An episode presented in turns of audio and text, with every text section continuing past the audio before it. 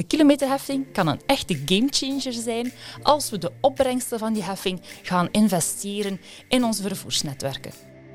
Welkom bij de VOCA-podcast 5 minuten voor 12, waarin we u weet het op zoek gaan naar voorstellen die onze samenleving ten goede kunnen veranderen.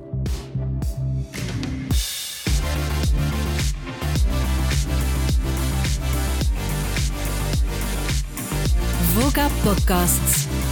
Vandaag doen we dat met Freya Fontijn, adviseur op het VOCA Kenniscentrum rond mobiliteit. Dag Freya. Dag Erik. Jij bent specialist in alles wat beweegt en vooral niet beweegt in Vlaanderen. Soms je met de auto naar het werk komt, die weet het. Heel veel files, heel veel stilstand. Wat is jouw voorstel om daar iets aan te doen? Wel, we hebben een concreet en haalbaar voorstel dat echt iets aan de files doet, met name de invoering van een slimme kilometerheffing voor iedereen. Een slimme kilometerheffing voor iedereen en dat gaat de files verhelpen. Leg eens uit. Slim en voor iedereen.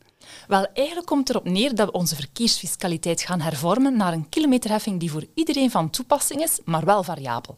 Dat wil zeggen dat wie met de auto rijdt eigenlijk een tarief gaat betalen, een klein bedrag per afgelegde kilometer, maar dat tarief of bedrag varieert wel naar gelang waar en wanneer je rijdt en met welk soort voertuig je rijdt. Je gaat dus eigenlijk naar een principe van de gebruiker, de vervuiler betaalt, in plaats van dat het bezit van een voertuig wordt belast zoals vandaag het geval is. Ja, wordt autorijden dan duurder?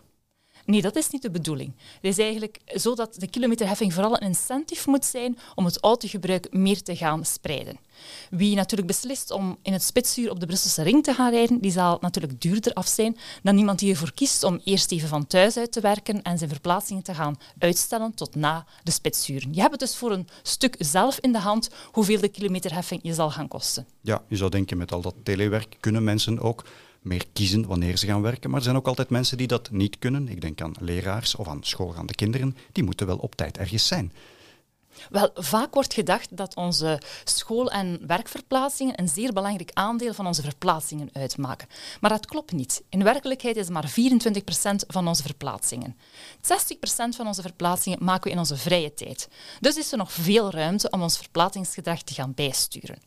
De kilometerheffing die moet mensen er doen over nadenken ja, wanneer ze zich gaan verplaatsen. En als mensen daarover nadenken, gaan ze misschien kiezen voor luwere momenten van de dag om zich te gaan verplaatsen.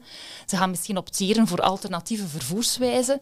En ja, zich misschien ook afvragen of dat pakje wel echt binnen de spitsuren moet geleverd worden, of dat dat misschien ook niet kan op een ander moment van de dag. Ja, ja. zo'n slimme kilometerheffing, als we die invoeren, is dat dan goed voor ondernemingen?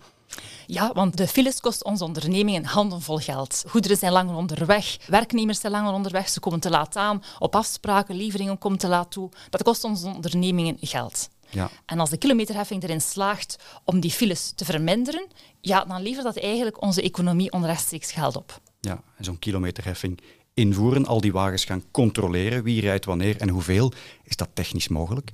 Ja, absoluut. Dat kan vandaag al en dat doen we ook vandaag al in België. Want we hebben al een kilometerheffing voor vrachtvervoer.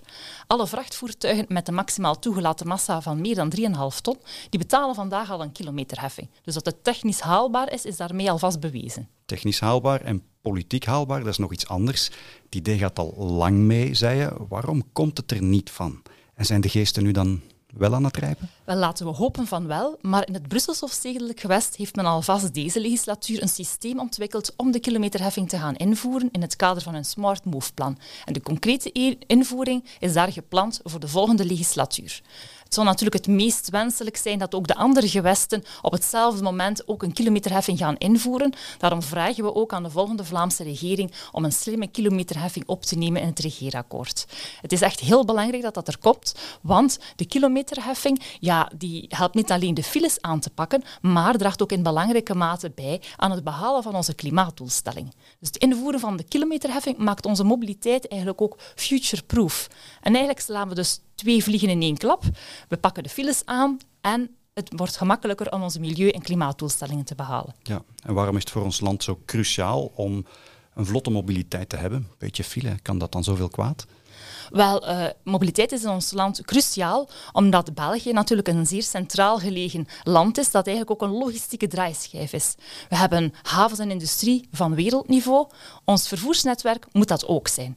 Dus we moeten dringend meer gaan investeren in vervoersinfrastructuur, in mobiliteitsoplossingen, om te vermijden dat ons land zich verder vastrijdt.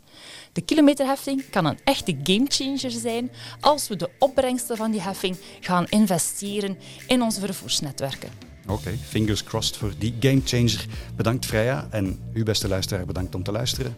Meer ideeën van VOCA in een volgende podcast. Daar. VOCA Podcasts.